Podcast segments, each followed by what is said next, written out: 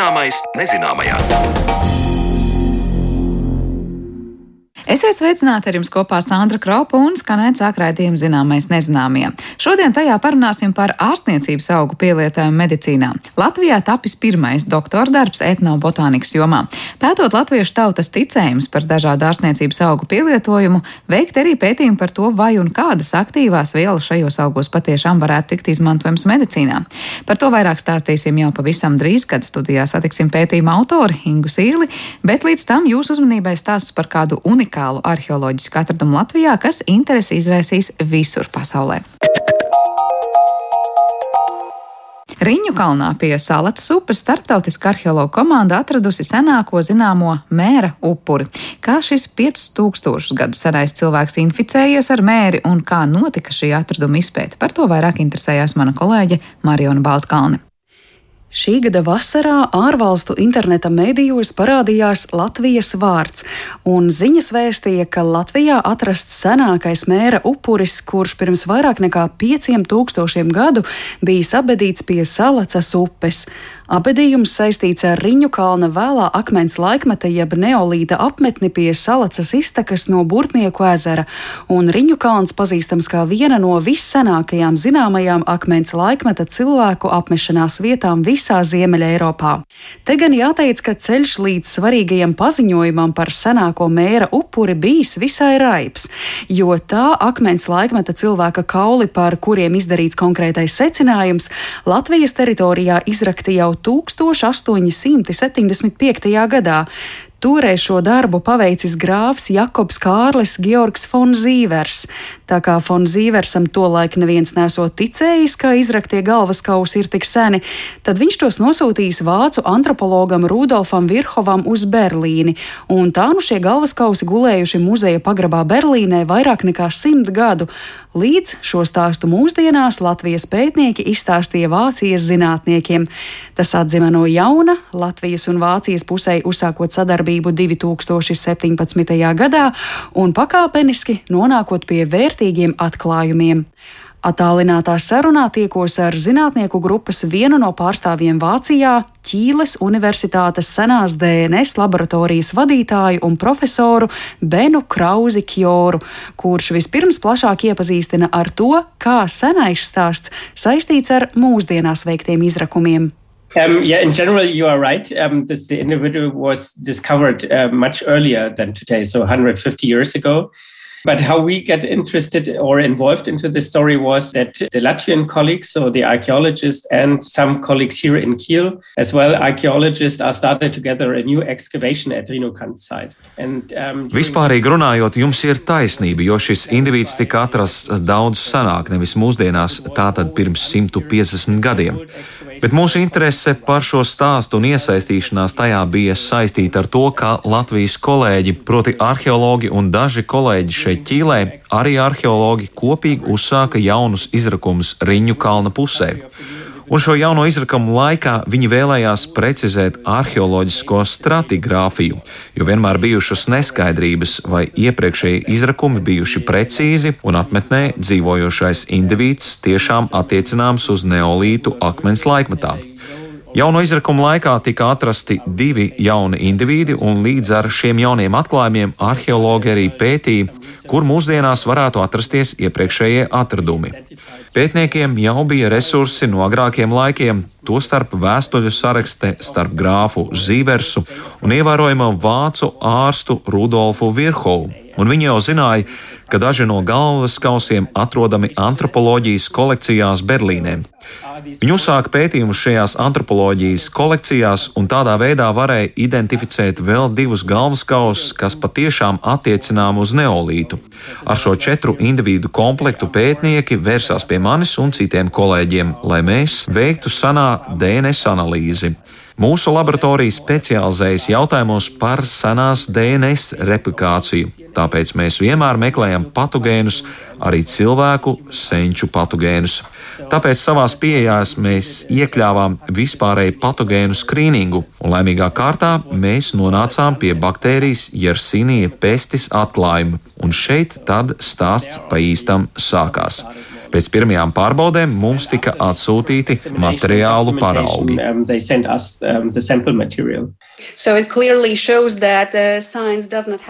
Tātad tas skaidri parāda, ka zinātne ir ilgtermiņa darbs. Šie kauli tika atrasti pirms dažiem gadiem un bija nepieciešams diezgan ilgs laiks, lai veiktu analīzes un visbeidzot paziņotu vienu secinājumu. Jā, precīzi. Te var izšķirt divas pētījuma daļas. Pirms parauga ievākšanas ir nepieciešama atbilstoša dokumentācija, un tas mūsu gadījumā prasīja gandrīz gadu. Un tad tālāk analīzes, zinātniskā raksta sagatavošana un raksta izvērtējuma process. Viss publicēšanas process pirms zinātniskais raksts sasniedz sabiedrību arī prasīja gandrīz gadu. Sarunas turpinājumā par to, ko vairāku cilvēku veidotajai arheologu un ģenētiķu komandai izdevās noskaidrot par ilgu laiku Berlīnes putekļos mitušā indivīda vecumu un nāves apstākļiem. Tas mūs aizved tuvāk stāstām par mēri. Death, from... Mēs zinām aptuveno vecumu cilvēka nāves brīdī. Atrastais cilvēks bija aptuveni 30 gadu vecs vīrietis, un visticamāk viņš nomira baktērijas jersīnī pestis izraisītās slimības iespējā. Mēs atradām patogēnu zobu materiālā, un zobos parasti cirkulē asinis, atstājot patogēnu pēdas. Visticamāk, baktērija bija šī cilvēka asinsritē, radot nopietnas problēmas. But usually, when we talk about uh, pestis, we can say that it happened in Europe in several periods, in medieval times, and then in in 17th century and 19th century. So, which uh, pestis is this? Bet parasti, kad mēs runājam par mēri, mēs varam teikt, ka Eiropa to piedzīvoja vairāk kārt. Viduslaikos, tad 17. gadsimtā un tad 19. gadsimtā. Līdz ar to, kas šis ir par mēri? Jā, šis ir labs jautājums. Tas, ko mēs zinām no rakstītiem avotiem un no tā, kas dokumentēts vēsturē, ir trīs lielas pandēmijas ir Justiniāna mēris īsi pēc Kristus dzimšanas, tad viduslaiku mēra periods ar labi zināmo melnās nāves vilni, un tad pēdējā trešā pandēmija no jaunāko laiku vēstures. Šajā gadījumā atrastie baktēriju cēlmi pieder jaunai Jersīnī pestis grupai, un tie visi datējumi ar neolītu, akmens laikmetā un bronzas laikmetu. Izskatās, ka šie cēlmi bijuši sastopami ilgu laiku plašā Eirāzijas teritorijā, un Riņu kalns varētu būt šobrīd vecākā zināmā atradne. Um, um, there's a lot of changes occurring over time, so you cannot directly compare the Yersinia pestis from the Neolithic times to the medieval times. So there's a lot of evolution happening in between. Jāsaka arī, ka no genoma struktūras viedokļa Yersinia pestis laika gaitā piedzīvo daudz pārmaiņu, tāpēc to nevar salīdzināt neolītā un viduslaikos. Notiek evolūcija starp šiem posmiem, piemēram, agrīnajiem baktēriju cēlmiem no neolīta un bronzas laikmeta trūks dažu gēnu, kas ļautu Jersīnī pestis izplatīties ar blusu starpniecību. Šis bija viens no aspektiem, kas parādījās lielajā epidēmijā viduslaikos, proti ātra slimības izplatība var notikt tikai tad, ja tā izplatās grauzēji populācijās ar blusu starpniecību un tā tiek pārnest uz cilvēku populāciju un šo gēnu trūkst agrajās baktēriju formās, tātad tās netika pārnestas ar blusām. Mēs patiešām nezinām, kā šī baktērija darbojās, jo mēs nevaram un neviens arī negribētu atjaunot akmens laikmeta un bronzas laikmeta jersīnija pestis cēlmu. Taču salīdzinot to ar mūsdienu un viduslaiku cēlmiem, mēs varam aptuveni novērtēt, kā šīs agrīnās formas izpaudās. No viduslaikiem un mūsdienu mēra formām mēs zinām trīs infekciju veidus. Pazīstamākais ir buboņu mērs no viduslaikiem, kad cilvēkiem ir uztūkuši limfu mezgli. Tas var notikt tikai tad, ja blusa iekož cilvēkam. Baktērija nonāk cilvēka limfātiskajā sistēmā un tad sāk tur vairoties, kā rezultātā uzbriest limfu mezgli. Šī forma tiek izslēgta attiecībā uz agrīnajiem celmiem. Tātad atliek tikai divas mēra formas - plaušu forma un septiskā forma. Abas ir tiešas infekcijas, kas var izpausties no cilvēka uz cilvēku, vai arī baktērijai nonākot cilvēka asinsritē, grauzēji vai cita inficēta dzīvnieka koduma rezultātā. Any other infected animal to the human population. From human to human, it sounds like COVID 19. yeah, so, yeah, this is in principle possible with No cilvēku uz cilvēku tas izklausās kā Covid-19 pandēmija. Jā, tas ir iespējams. Plaušu formas gadījumā, kā pilienu infekcija un koronavīrus, dara to pašu.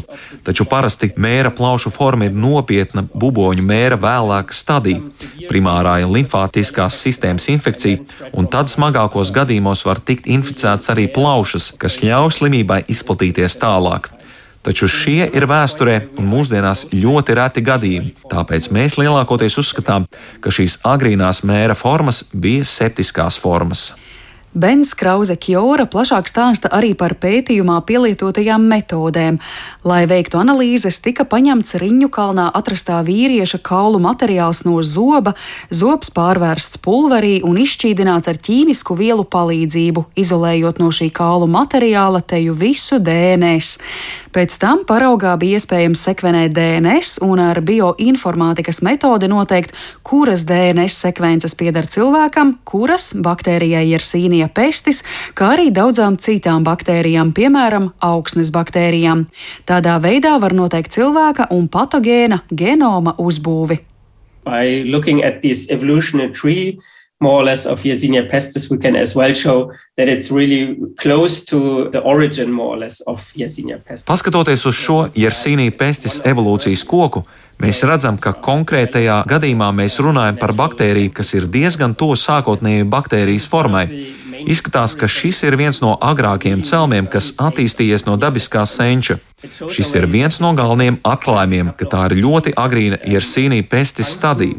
Mēs arī redzam, ka baktērijai bija nepieciešami daži gēni un funkcijas, kas tai ļāva izplatīties cilvēku populācijā, un tādā veidā sākās pielāgošanās jauniem saimnieku organismiem. Taču jāatceras, ka mēris primāri netiek pārnests no cilvēka uz cilvēku. Parasti slimība cirkulē grauzēju populācijās, kas ir dabisks saimnieku organisms.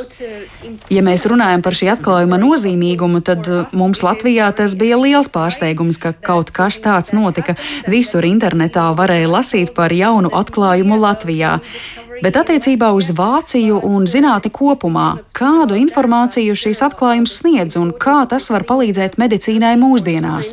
What kind of information it uh, gives for science in general and how can that help nowadays for medicine maybe so the uh, previous published um, uh, genomes uh, they dated close to rhinocans but slightly later So Tātad agrāk publicētie genomi tika datēti līdzīgi kā Riņu kalna atradumi, tomēr tie ir vēlāk nekā Riņu kalns. Šis ir viens aspekts, kas ir diezgan interesants, jo Jersīnī pests ir cilvēku sabiedrībā daudz ilgāk nekā mēs bijām domājuši. Mēs redzam, ka visi šie agrīnie celmi parādās un pazūd 2000 gadu laikā. Tātad baktērija daudzkārt no dzīvniekiem tika pārnest uz cilvēku, centās izraisīt kādas slimības vai izplatīties cilvēku vidū, taču tad šis celms pazuda. Tā ka baktērijai tā ir kā vienvirziena iela attīstībā.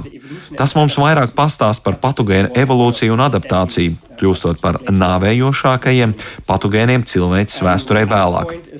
Vēl ir arheoloģisks aspekts. Īpaši Rietumē Eiropā ir bijušas liels diskusijas par to, ka Jersīnī pestis varētu būt izraisījusi populācijas samazināšanos lielās epidēmijas laikā Neolītā aptuveni 3000 gadu pirms Kristus.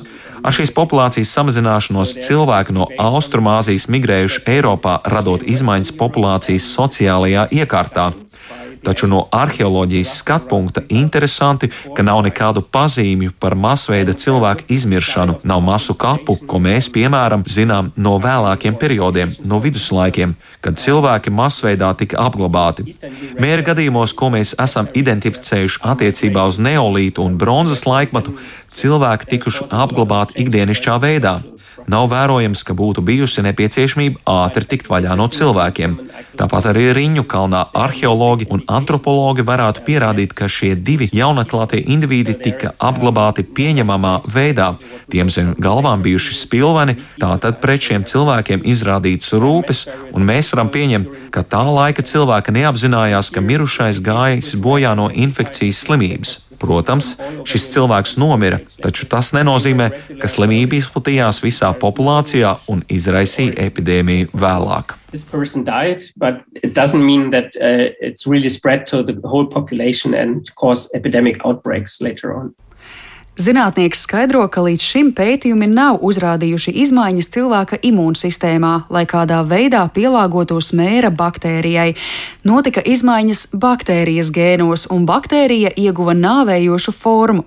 Taču parasti baktērijas mērķis ir panākt, lai saimnieka organisms pēc iespējas ilgāk paliek dzīvs un veidot hronisku infekciju, nevis saimnieku uzreiz nogalināt. Um, um, colleagues uh, with the anthropologists together. There we analyze really uh, material for. Mums ir vēl kāds stāsts ar Latvijas kolēģiem, antropologiem. Viņi analizēja materiālu no viduslaiku masu skapiem, kuros viņi arī varēja identificēt Jersīnī pestis cēlmus. Un tie uzrāda, ka vēlākās baktērijas formas pēc melnās nāves adaptējās jaunu saimnieku organismiem. Tām ir iztrūkums noteiktos gēnos, kas Jersīnī pestis ļautu izplatīties diezgan ātri, un izskatās, ka vēlākās formas vairs nav tik nāvējošas. Tātad mēs redzam pīķi melnās nāves laikos, kad Jersīnī pestis bija nāvējoša, un pēc tam slimība kļuva nekaitīgāka. Protams, tā joprojām nogalināja daudz cilvēku, taču slimības izplatīšanās vairs nebija tik ātra.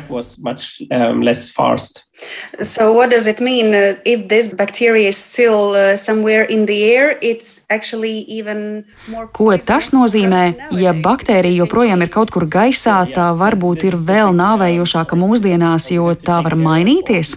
Protams, jā, tas ir svarīgs aspekts, kas mums jāņem vērā. Baktērija joprojām var adaptēties, iegūt jaunas funkcijas un izplatīties citādi.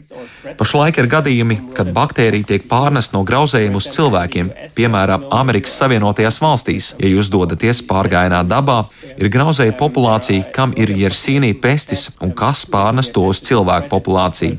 Madagaskar ir viens no karstajiem punktiem, kur ik pa laikam ir jauni jersīnī pestis uzliesmojumi. Tāpat arī Krievijā un Ķīnā stepju teritorijās grauzēji ir inficēti. Ar pašreizējo atklājumu viss vēl nav noslēdzies. Pētnieki turpinās izzināt aizvēsturiskos individus un patogēnus, un tāpat ir vēl daudz jautājumu, ko uzdot gan par riņu kalnu, gan cilvēka spēju pielāgoties slimībām kopumā.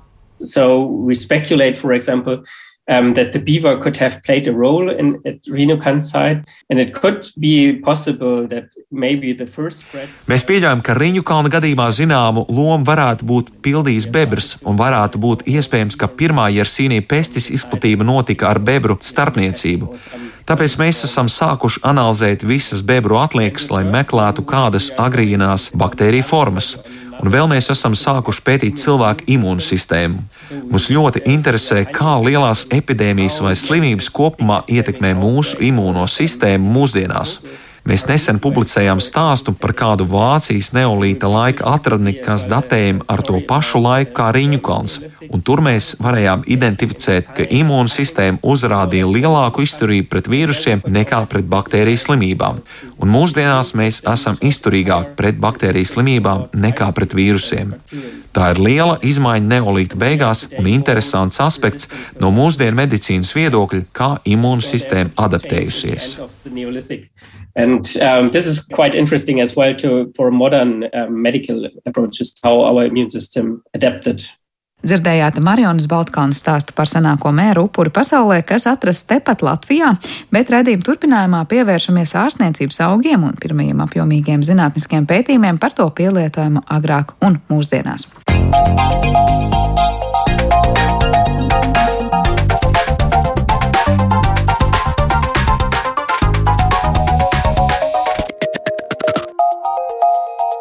Zināmais nezināmajā. Teju katrs no mums zina kādu ārstniecības augu, kas no paudzes paudzē pielietots dažādu saslimšanu ārstēšanā, un Latvijā tautas ticējumu un paražu šo augu lietojumā ir nudien daudz.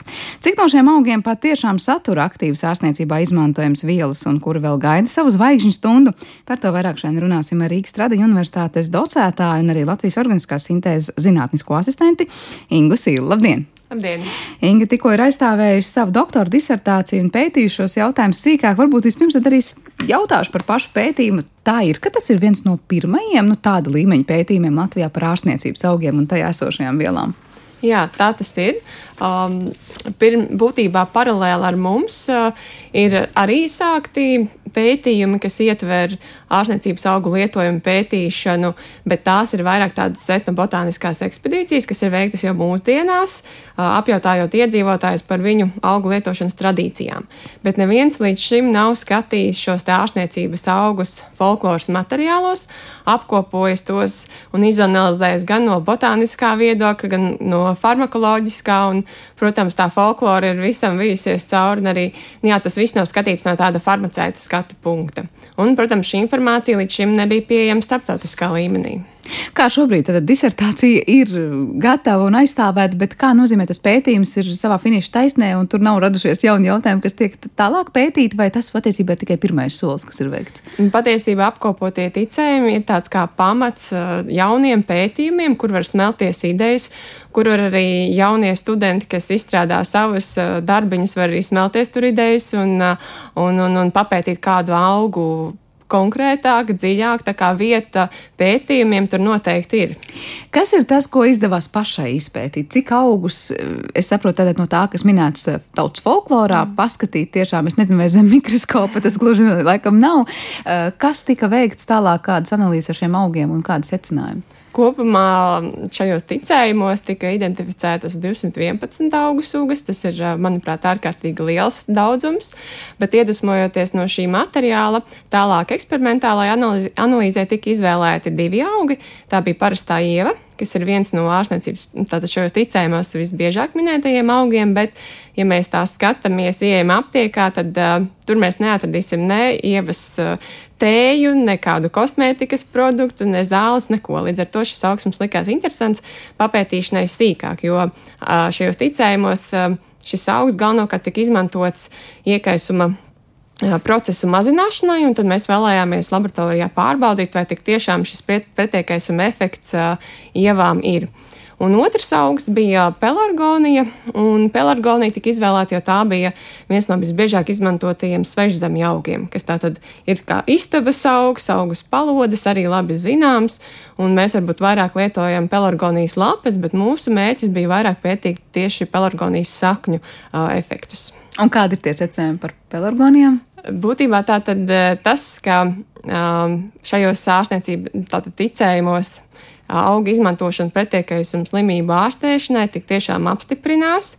Bet eh, te arī var pastāstīt to, ka mm, šī pelorgonija mēs arī viņu pētījām Um, arī tam dēļ, lai pārbaudītu, kāds ir to, tās lokālais efekts uh, periodontīta ārstēšanai. Tātad periodontīts ir zobu smaganu iekaisums, Un tika ar um, mums šis, šis um, pētījums bija sadarbībā ar Lietuvas Kaunas Universitāti un ar poļu pētniekiem, un viņu uzdevums bija izveidot jaunu tādu kā zāļu formu, biogēliņus, tādu ierīcīti, ko piesūcināt ar šiem pelargonijas ekstraktiem un ievietot šajā zobu kabatiņā, un tad skatīties, kā tad šis iekaisuma process mazinās. Līdz ar to arī mūsu ārtava šo, šī projekta izstrādēji tika iedota, un arī, protams, tā informācija daļai tātad nāca arī no šiem no ticējumiem, šis te pretiekaisuma efekts un tautas tradīcijas. Tā sanāk, ka tika skatīts pelargonijas kontekstā ne tikai tas ir vai nav tur tās aktīvās vielas un ko tās dara, bet patiesībā jau pārbaudīs, cik ļoti tas mazina to iekaisumu. Jā, tieši tā. Tas tikai pelargonijai tāds gods tika vai vēl kāds no augiem tika līdz tādai, nu, gandrīz klīniskai izpētei. Būtībā tad jāsaprot, ir, ko varbūt cilvēki, cilvēkiem varbūt grūti uzreiz saprast, Mēs nevaram paņemt tos visus 200 pāri augus un laboratorijā izpētīt. Tas prasa ārkārtīgi daudz laika, un arī man disertācija kopumā tas viss process ilga nepilnus piecus gadus, un mēs vien paguvām izpētīt uh, divus augus. Līdz ar to, tā kā es minēju sākumā, šis, šis, šī ticējuma apkopotā bāze ir platforma daudziem citiem pētījumiem un, un pētniekiem. Līdz ar to, tad, protams, mūsu pētījumi turpināsies, un mēs iedvesmosimies un balstīsimies uz to informāciju, kas ir ticējumos, bet noteikti es viena pati to nevaru izdarīt. Kā. Bet kā notiek pats pētījums? Kāpēc piecu gadu laikā sanāk izpētīt tikai tos divus augus? Nu, cik laikietilpīgi tas ir un kāds ir vispār tas soli pa solim process? Jā, manā gadījumā tā disertācijas izstrāde sākās ar to, ka bija šie latviešu tautas ticējuma krājumi. Un tas mērķis bija apkopot informāciju no tiem, atlasīt tikai tos ticējumus, kur bija minēta ārstniecības auga lietošanai humānajā medicīnā. Un šis jau apkopošanas process jau ilga apmēram gadu, jo bija jāuzraksta Katram ticējumam pretī gan teiksim, šis te auga nosaukums latviešu valodā, latīņu valodā, arī jā, jāidentificē, kāda auga daļa tika izmantota, kāda zāļu forma, kādam lietojumam, un 211 augiem šādu informāciju sa sagrupēt un vēl piemeklēt, teiksim, informāciju par monogrāfijām, ir vai nav tā ārstnieciskā lietošana tur minēta, tas ir ārkārtīgi liels darbs. Nu, un tad, Un tad ir nākamais, teiksim, runājot arī par ievām, es pati ievācu ievas drogas, līdz ar to ir šis ievākšanas process pavasarī, tad ekstrakta gatavošana, un tad jau, protams, šie eksperimentālie pētījumi, kur tika izmantotas dažādākas metodes, un tas tiešām nav tāds nedēļas, divu vai mēnešu jautājums, tie ir vairāk mēneši, kamēr šie te šī informācija ir apkopota, un tad jau pēc uh, laboratoriskajiem izmeklējumiem arī uh, ir uh, manuskriptu rakstīšana un datu publicēšana. Arī tas aizņem laiku. Tā kā tas viss ir tiešām um, vairāku gadu darbs. Bet kurā brīdī pētnieks var ieraudzīt, jā, tur tā viela tiešām ir un tā ir pietiekoši lielā daudzumā, lai mēs runātu par to, ka tagad nezinu, ievās vai pelargonijās, nu ir kaut kas, kas liek tur vai dziedēt iekaisums vai ko citu. Tas ir kaut kāds, saka, to ekstraktu iegūst, ir kaut kāds, es nezinu, analīzes, kurās kaut ko šķīdina vai jauc vai maisa. Jā, tad, tad eh, sākotnēji tiek veiktas parasti chrom, chromatogrāfiskās analīzes, kur mēs identificējam konkrēti, kādi savienojumi, kādas vielas ir šajā ekstraktā, un mēs arī viņus varam kvantificēt. Tas nozīmē, ka ir daudz gudrā iekārtā jā. un paskatās, ko tā izdod ārā. Jā, jā tieši tā. Un eh, tādā veidā mēs redzam, kas ir tās aktīvās vielas. Mēs jau redzot to, varam, eh, teiksim, pateikt apmēram, kam šis augs varētu būt liederīgs, jo daudzas aktīvās vielas ir labi zināmas, labi pētītas. Un, jā, un tad šis iegūtais ekstrakts, protams, mēs viņu varam arī mm, šo auga, šīs daļas ekstraģēt ar dažādākiem ekstraģentiem. Mēs iegūsim arī atšķirīgas ekstrakts ar dažādākām aktīvām vielām. Arī tas ir interesanti.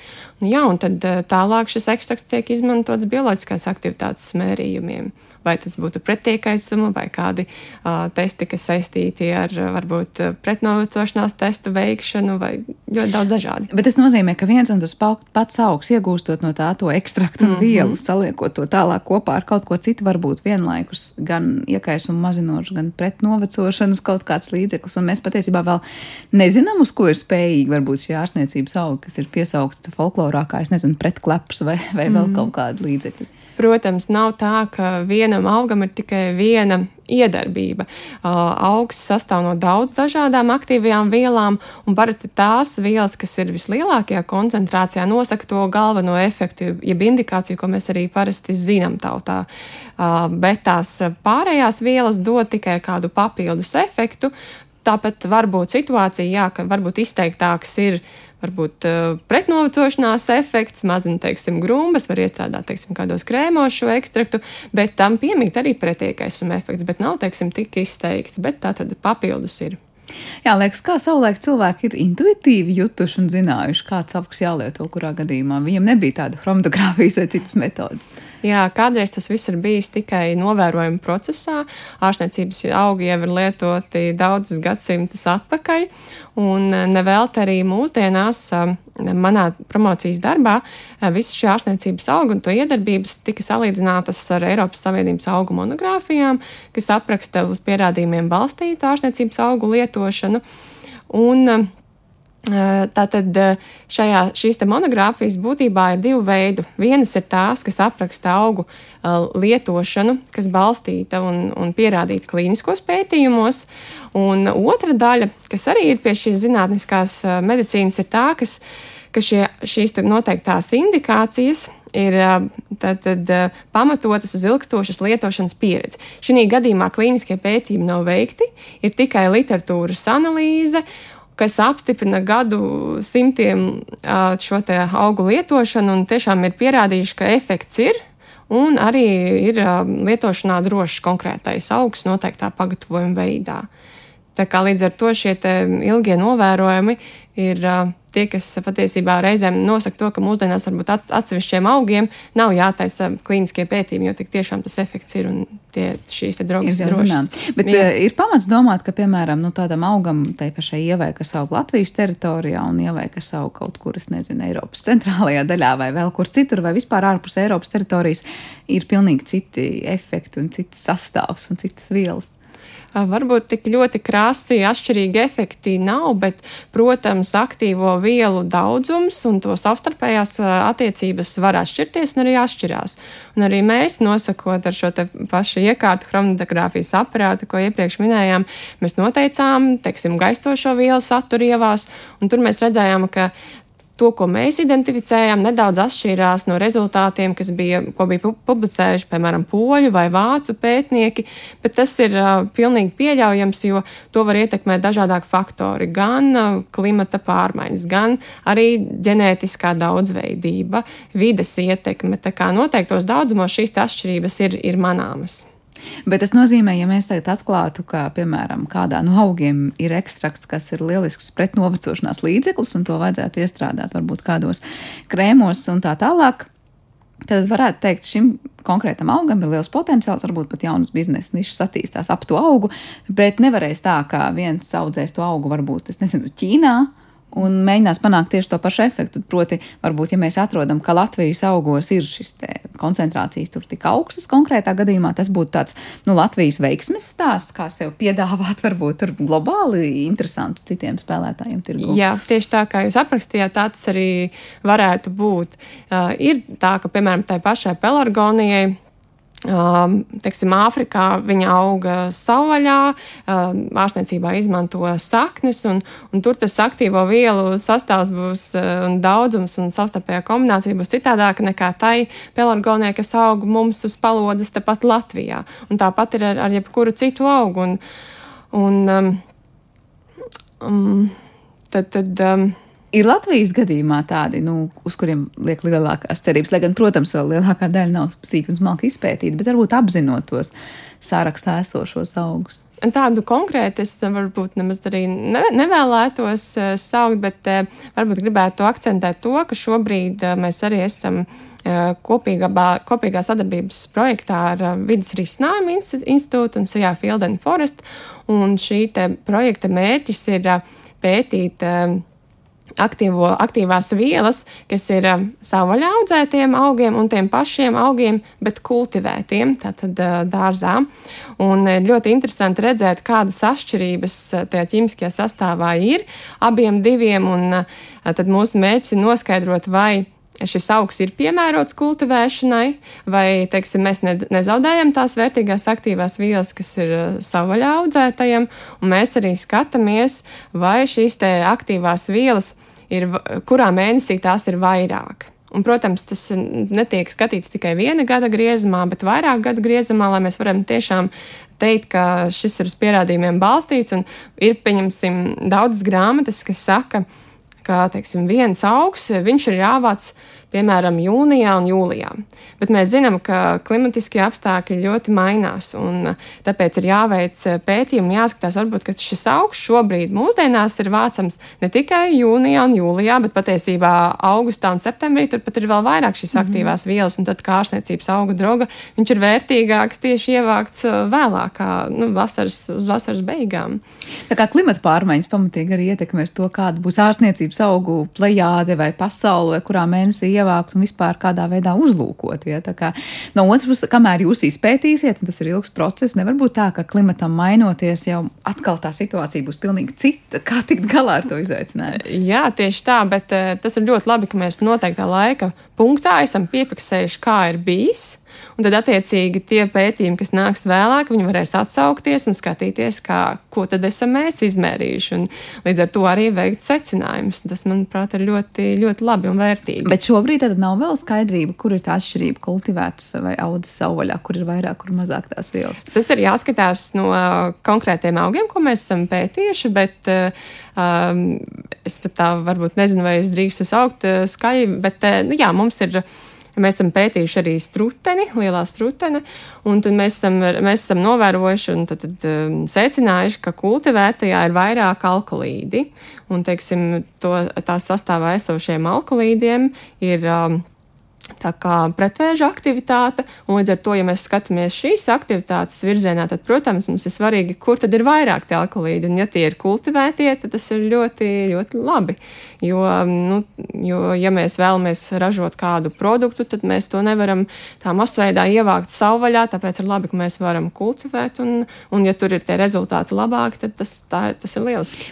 Kā būtu, ja otrādi, tad, ja parādās uh, rezultāti, kas saka, savvaļā ir augstākas koncentrācijas un labākas, labākas kvalitātes vielas.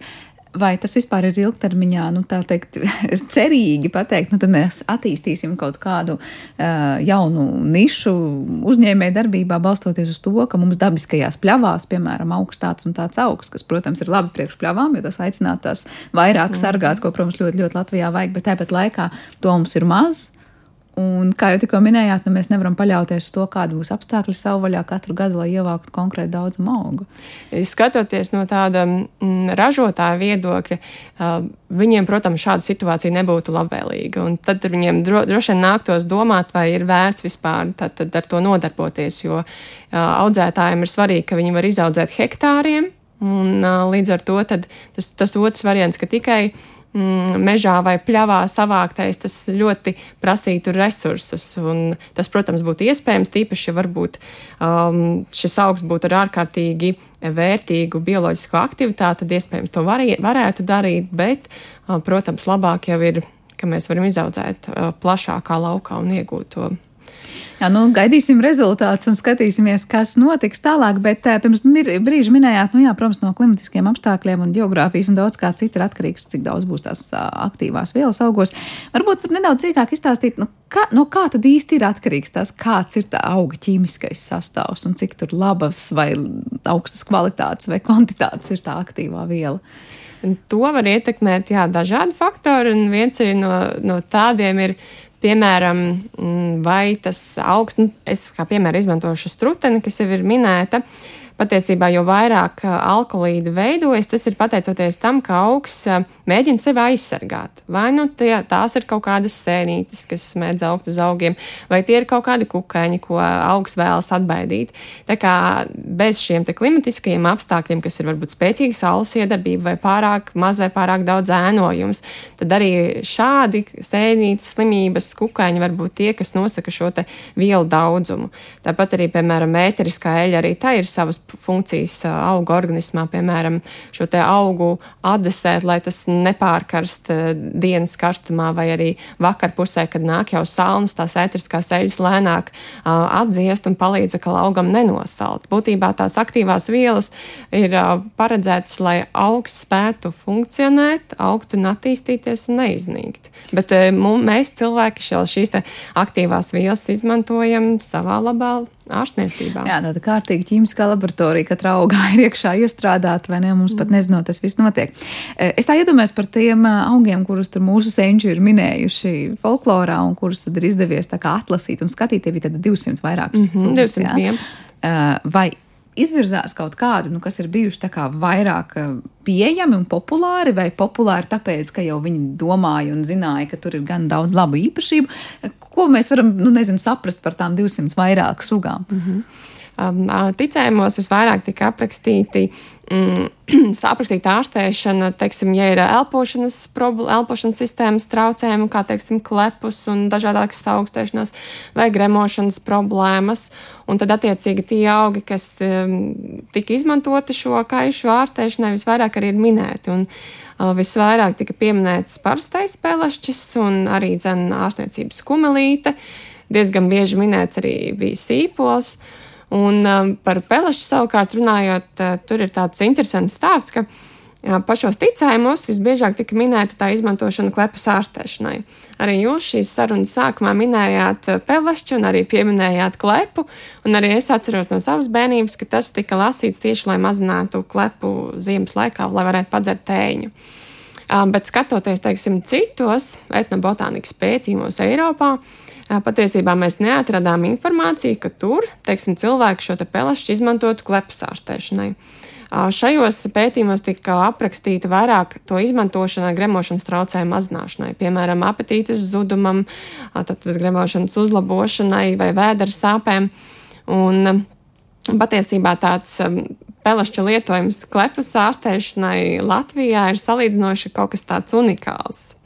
Un arī, ja mēs paskatāmies tās pašas Eiropas Savienības monogrāfijas, ko mēs analizējām, tad tajās arī ir minēts spēlašķis, bet tieši gremošanas traucējumu mazināšanai. Tā kā tas tā pretklepus, um, kā pretklepus līdzekļu lietošana Latvijā tik tiešām ir unikāla. Unikāli, varbūt mums, mūsu pelašķi ir kaut ko atšķirīgi šajā ziņā. Bet es iedomājos, nu tādā tautas medicīnā viens varbūt uh, visticamāk, visplašāk to lieto kā tēju, un tad vēl cik ļoti pareizi var būt noturēt un uzliet. Citi varbūt saka, ir jādzer tur vai jā, kaut kāds pulveris jāsavērž un jāēd un tādā veidā jālieto. Droši vien jau ļoti atšķīrās arī tas, kā šos ārstniecības augus lietoja un kādu efektu panāca. Jāsaka, ka kādreiz, nu, vismaz šajos ticējumos, visbiežāk, protams, ir aprakstīta tējas lietošana. Daudz tika lietoti augi arī svaigā veidā. Tas, protams, ir aktuāls tieši varbūt vasaras laikā, kad ir nobrāzumi. Arī bieži gatavoja novārījumus. Un arī skatoties uz šo augu nomenklatūru, kas ir minēta ticējumos un to lietošanu, tad kādam nolūkam, mēs varam redzēt diezgan lielas atšķirības ar mūsdienām. Ja kādreiz tiešām cilvēki vairāk koncentrējās uz šiem telpceļu sistēmas traucējumiem, gremošanas traucējumiem, ādas problēmām, skelta muskuļu sistēmas traucējumiem, tad, teiksim, mūsdienās atkal. Mēs redzam, ka vairāk tiek runāts par kardiovaskulārajām slimībām, par vielmaiņas traucējumiem, kā piemēram cukurdiabētu vai neiroloģiskām slimībām, vēzi, bet ticējumos šīs, šīs kategorijas tika ļoti reti minētas. Līdz ar to kādreiz tas cilvēks ārstēja to, kas, nu, bu, jā, būtībā arī jāsaka to, ka kādreiz cilvēki ārstēja simptomus vairāk un mazāk tās pašas slimības. Viņi ārstējās, ārstēja šos simptomus, nenoskaidrojot patiesībā to patieso cēloni. Līdz ar to, protams, arī kādreizējās diagnostikas iespējas droši vien ir ietekmējušas to, kādi šie ticējumi ir, kādu informāciju mēs tajā varam atrast. Jo, piemēram, tas pats vēzis šādā veidā, nu, nosaucot to par vēzi, bija minēts tikai vienā ticējumā. Bet mūsdienās mēs ārkārtīgi daudz par to runājam. Un tāpat arī par um, kardiovaskulārajām slimībām tur bija ārkārtīgi maz gadījumu minēti. Jā, nu, protams, mēs varam domāt, ka citos laikos tā diagnostika bija cita un tiešām varbūt eh, vairāk ķērās pie simptomiem, nevis cēloņiem. Bet fakts ir tāds, ka, ka šie augi ir minēti tajos eh, sarakstos, nu jau tagad, kas ir izkristalizējušies, un daži no tiem, par kuriem ir izdevies sīkāk iegūt datus nu, liecina, ka tur tiešām daudz kā interesanti un daudz sološi arī ir atrodams. Uh, vai šāda veida pētījumi varētu mainīt cilvēku domāšanu šajā gadsimtā par vispār tautas medicīnu vai šiem ārstniecības augiem? Jo no vienas puses liekas, nu, ir tā, tā kā skepse par to, ka nu, tā ir tāda ārstēšanās ar tēņām. Jā, nu, labi, jāzina, ko mēs ārstējam ne, ar, ar tām tēņām. Bet tajā pašā laikā varbūt nav stāsts tikai par tēņām. Tur tiešām ir kaut kas ļoti, ļoti vērtīgs. Un tieši tā ir um, jāsaprot, jā, ka kādreiz uh, visvairāk tika gatavotas šīs tēzes, bet, kā jūs minējāt, ir jāņem vērā, kā viņas tiek gatavotas, vai tās tiek aplietas ar karstu ūdeni paturētas 5 minūtes, un tad mēs noteikti nesagaidīsim ārstniecisku efektu. Bet, ja mēs paturēsim jau ilgāk, 15 vai, teiksim, novārīsim konkrētu draugu, tad, protams, tas ārstnieciskais efekts būs. Bet uh, tas, ko mēs vēlamies arī akcentēt ar mūsu disertāciju, ir ne tikai aktualizēt to, kas ir atrodams folkloras materiālos, bet uz šo visu skatīties no, um, tādām zinātnieka acīm un pārbaudīt, vai tiešām tas viss ir uz pierādījumiem balstīts. Un, um, un, um, Tā ir tāda, nu, nezinu, domas laušana kaut kādā brīdī, ka ir kaut kāds aizspriedums varbūt pret fitoterapiju kā tādu zinātnieku vidū? Protams, no cilvēkiem jā, ir dzirdēts, ka augi jau īsti varbūt tā, tā neārstē tik nopietni kā, kā citas konvencionālās zāles. Vairāk varbūt ir dzirdēts par homeopātiju un fitoterapiju, ka cilvēki varbūt jauc šos divus skaidrojumus, bet ir jāsaprot to, ka teiksim, homeopātija ir par šo, šo vielu ārkārtīgu atšķaidījumu, bet fitoterapija ir par to iekoncentrēšanu. Un arī teiksim, mūsu mērķis ir teiksim, gatavot šos te ekstraktus, kas jau satur tiešām koncentrētu vielu daudzumu, un tad pārbaudīt to, to efektu. Noslēdzot mūsu sarunu, kādi ir tie nākamie soļi un plānotie pētījumi? Es saprotu, ka šī ir, kā mēs sarunu sākumā teicām, tāda laba bāze, lai daudz citi varbūt nāktu klajā ar savām idejām un atspartos. Un tur, protams, mēs nevaram zināt, kādas cilvēkiem būs idejas un risinājumi. Eh, vai pašā jau ir kaut kādi vai kolēģi vidū konkrētāki soļi tālāk, kas notiks? Mēs noteikti turpināsim sadarbību, kā jau minēju, ar Vides risinājumu institūtu. Mūsu projekts vēl turpinās, un tā ietvaros šo, šos deviņus pavasara augus mēs pētīsim, un jau, protams, pētam. Un noteikti arī taps e, jauni manuskripti publicēšanai starptautiskā vidē, lai, lai arī citi pētnieki zina, ar ko mēs nodarbojamies un kādi ir mūsu rezultāti saistībā ar šiem augiem, kādi ir šie ķīmiskie sastāvi un bioloģiska aktivitāte gan sauļu augušajiem, gan arī uh, kultivētajiem. Jā, protams, um, es nekur tālu neaiziešu no ārstniecības auga tēmas, un, un man tiešām ir liels prieks, ka šajos ticējumos atrodamā informācija tagad ir pieejama starptautiski. Jo līdz šim neviens nevarēja atsaukties uz tām mūsu vērtībām, kas ir apkopotas folkloras materiālos. Un patiesībā mūsu šis, šie raksti publicētie tagad ir diezgan daudz citēti. Un tagad mēs varam salīdzināt, kā ir Latvijā, kā bija kādā citā valstī. Un, kā jau es arī minēju sākumā, tad Latvijā šobrīd arī tiek veiktas šīs etnobotānikas ekspedīcijas, kur ievāc informāciju par šī brīža ārstniecības augu lietošanas tradīcijām, un tad nu, mums ir iespēja salīdzināt, kā, kā tā informācija par ārstēšanos augo, ar augiem ir saglabājusies līdz šodienai, no mūsdienu cilvēku skatu punkta, un to salīdzināt ar to informāciju, kas bija apkopota simts gadus atpakaļ. Bet tas viens aspekts, kas tikko izskanēja par to Cik eh, nu, citiem šobrīd ārpus Latvijas ir pieejama šī informācija, un parasti liekas, nu, vismaz runājot ar cilvēkiem, kas nav Latvijā dzīvojuši, kas uh, tiešām nu, dažkārt brīnās par to, cik ļoti daudz Latvijā mēs tur varam joprojām dzert pašu ievāktu tēju, vai ar tiešām domu tas tur pret klepu, tas pret mm. temperatūru un kā citādāk. Uh, vai Latvijas gadījumā tiešām mēs esam Eiropas ziņā, es nezinu, vai kaut kā citādāk, ar kaut ko atšķirīgu un unikālu tajā, cik ļoti joprojām pie mums ir dzīva šī tradīcija un cik ļoti mēs nopietni pieejam pieejam tam ārstniecības auglietām. Es domāju, ka mēs varam noteikti lepoties ar to, ka mēs arī mūsdienās joprojām daudz lietojam ārstniecības augus.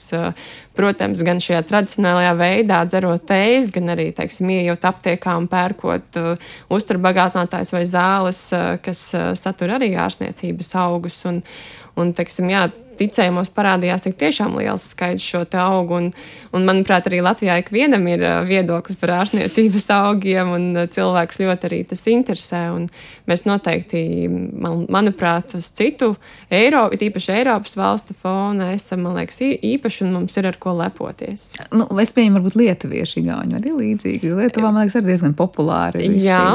Jā, un arī nu, šeit ir īstenībā jāuzslavē Igaunija par to, ka Igaunijā šāda veida pētījumi jau tika aizsākti diezgan sen, un viņi jau ir kādu laiciņu šo informāciju apkopojuši un turpina pētījumus etnobotānikā.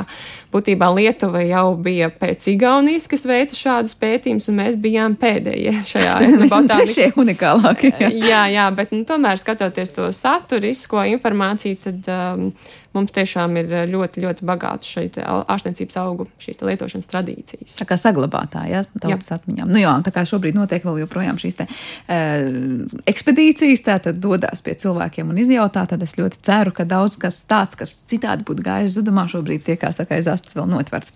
Paldies par šo sarunu. Es domāju, ka gan daudzi varbūt atsauc atmiņā kaut ko liekas, nu to jau labi zinājām, bet tagad tam ir rasts pierādījums, un es domāju, ka gan vēl daudz augi ir tādi, kurus varbūt arī cilvēki tiešām ļoti, ļoti gaida gaidīt, ko tad izpētīt, izdot zinātniekiem, sīkāk paskatoties uz šiem augiem.